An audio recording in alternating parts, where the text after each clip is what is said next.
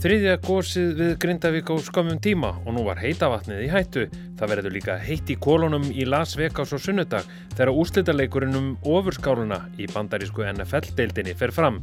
Uppbótartíma þarf til að koma þessu að og hann fá þau Ingeborg Sara Guðmundsdóttir, Fanni Birna Jónsdóttir, dasgrástjóri í Rásar 1 og Andri Ólásson, upplýsingafulltrú í landsbítalans.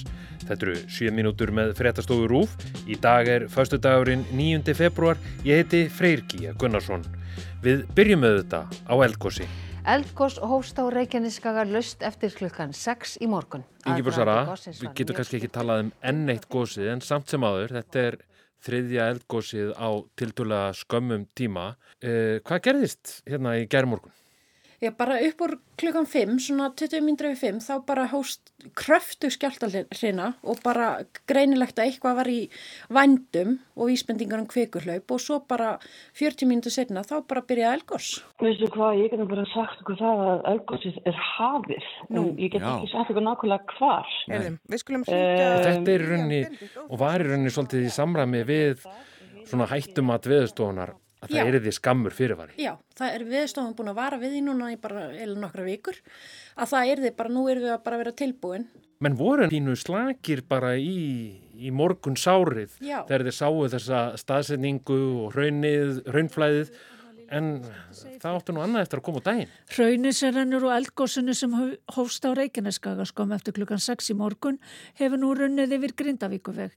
Hraunin óðfram með svo miklum krafti að það bara stemdi ragleiðis í átt að Grindavíkuvegi og var komið yfir Grindavík, Grindavíkuveg á milli klukkan 10 og 11 og og þar handan vegarins eru náttúrulega vasspípur sem að og vassleislu sem að fólk menn hafði ágjur af og uh, eiginlega versta sviðismyndin rættist þegar gósi bara einhvern veginn hendi sér yfir þessar heitavatslagnir. Við erum kannski aldrei seina að segja frá þessu að því hér eru gasmælar á fullur en þarna sjáu þið gufuna frá slítinni hittavendulag. Í hátteginu þá bara var ljóst hvað var í vandum og gósið bara rutti sér leið þarna yfir vasshinnuleðslunar og yfir njarðvíkuræði sem bara veitir eiginlega öllum íbúakjörnum á suðinni sem heitt vatn. Og líst yfir neyðar ástandi, fólk fór að hamstra hittablásara, uh, gaskúta og ég veit ekki hvað og hvað. Emmitt. Hvernig, hvernig sjáum við framhaldið? Og eftir hátta í gær þá bara dró ég eftir þétt í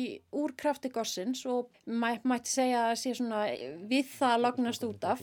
Þannig að við, svona, það bendir alltaf á það að þetta sé svona bara smám saman að minka og, og jafnvel degja út. En það, það sem er kannski, kannski frá, þetta gossi frábriðið öðrum gossum eða semst fyrir gossum er að það var kraft meira í lengri tíma en, en hinn gossin. Hinn gossin byrjuði með miklum krafti en komist svo fljótlega í jafnbæi og, og lognuðist jáfnvel úta en þetta gos, það var kraft meira í lengri tíma. Þetta heita vatn, hvernig ætla menna að leysa það? Vinna við að tengja heitavarsæði sem var í raun tilbúin en átti eftir að tengja og, og þetta var eina sviðsmyndun sem var uppi og þetta var ljósta gæti orði fyrir, fyrir löngu ja. þannig að það bara er bara vinna við að tengja nýja heitavarsæði. Menn í kaplöpu við tíman. Algjörlega, bara bókstaflega.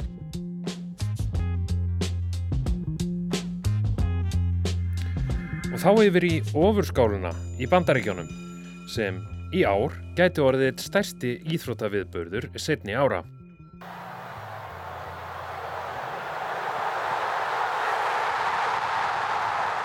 Þetta eru Kansas City Chiefs og San Francisco 49ers sem er að mætast. Tvö mikil stórveldi, San Francisco 49ers var algjör stórveldi hérna á í áttinu og nýjunni þegar leiksjónendur eins og Joe Montana og Steve Young voru upp á sitt besta en Kansas City Chiefs hefur verið svona helsta stórveldið í deildinu undafarin ár. Þar er Patrick Mahomes leiksjónandi sem er eiginlega óumdeilt talin besti leiksjónandi deildarinnar.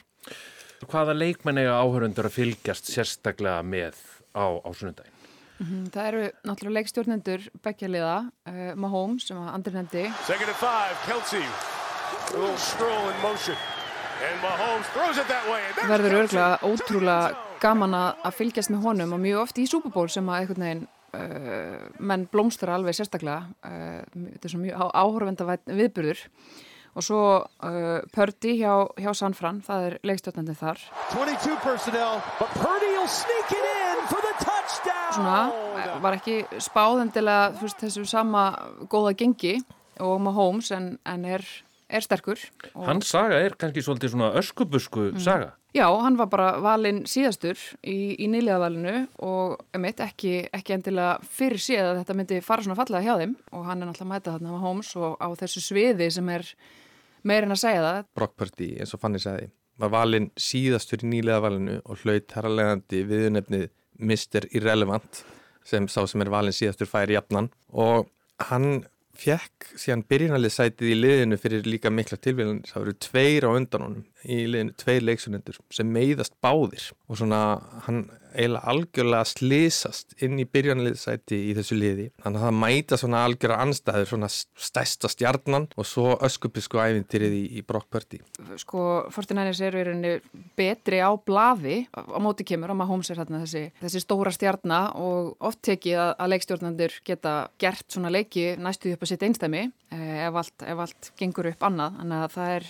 það er, það er svona kannski það sem að ætta að líta eftir. Það er þessi líðsheild sem að, sem að San Francisco hefur uh, en er kannski ekki jafn ábyrrandi uh, þeir eru svolítið meira að missa þarna hjá, hjá Chiefs. En þetta er ekki bara fókbóltaháttíð heldur uh, hefur svona á undanförnum árum hefur verið að skapast hefð fyrir því hérna á Íslandi á þessu kvöldi að þá breytist bara stórhópur Íslandinga í bara, já ég vil ekki bara segja hálfgerða kanna þetta er líka rosalega mikið sjó, þetta er síning og þetta er öruglega bara einhvert, einhvert rosalegasta verkefni sem að sjómasframleðendur geta tekist á við sem er að halda utanum uh, síningu frá þessum viðbyrði. Uh, Ofbúslegt háleiks uh, sjó eða háleiks síning sem að Össir, tónlistamæðurinn og, og fleiri munu halda utanum í, í ár þannig að þetta er alveg þeir sem er ekkit endilanist hrifnir af fókbaltanum uh, geta skemmt sér yfir þessu.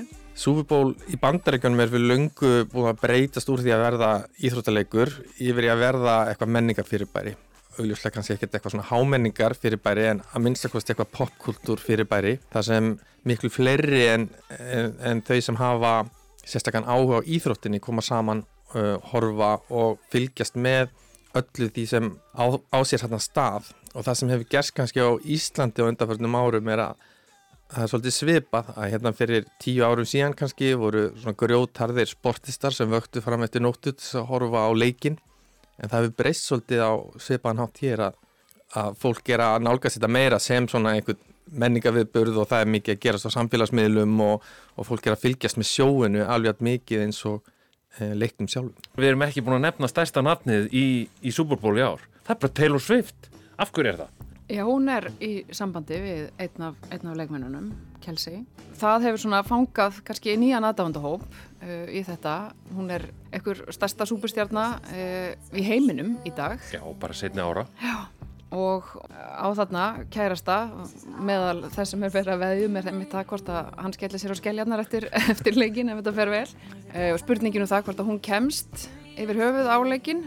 Hún er í Japan, þarna sólarring tæpum áður eh, og þarf að reyfa sér rætt til, til að ná því að mæta á leikin og þetta er alveg klálega mjög stór partur af sunnudeginum er bara viðvera Taylor og, og þeirra samband. Og hefur kannski gert ofurskáluna að bara reynilega einum stærsta viðbörði í bandarískri svona íþróttasögu akkurat þessi leikur. Já, sko, fyrst á er kannski ágætt að minnast á það Travis Kelce er stærsta stjarnan í NFL-tildinu og var það á að hann byrjaði að hitta Taylor Swift. Það sem er líka áhægt við þetta ekki bara eigur þetta svona aðtíklina eða kannski einhver leiti áhugan þá er náttúrulega bandarist samfélag líka svo skrítið að mörgu leiti og svo polariserað að fólk skiptist alveg í, í tvo helminga í svona afstöðu sinni gagvart þessu írafári öllu um Taylor Swift og þetta hefur reynilega verið sett sko í pólitíst samingi og menn eru að velta fyrir sér hvort að hún muni nýta sér þetta pla mikla plattform sem verður í útsendingun á sunnudag til þess að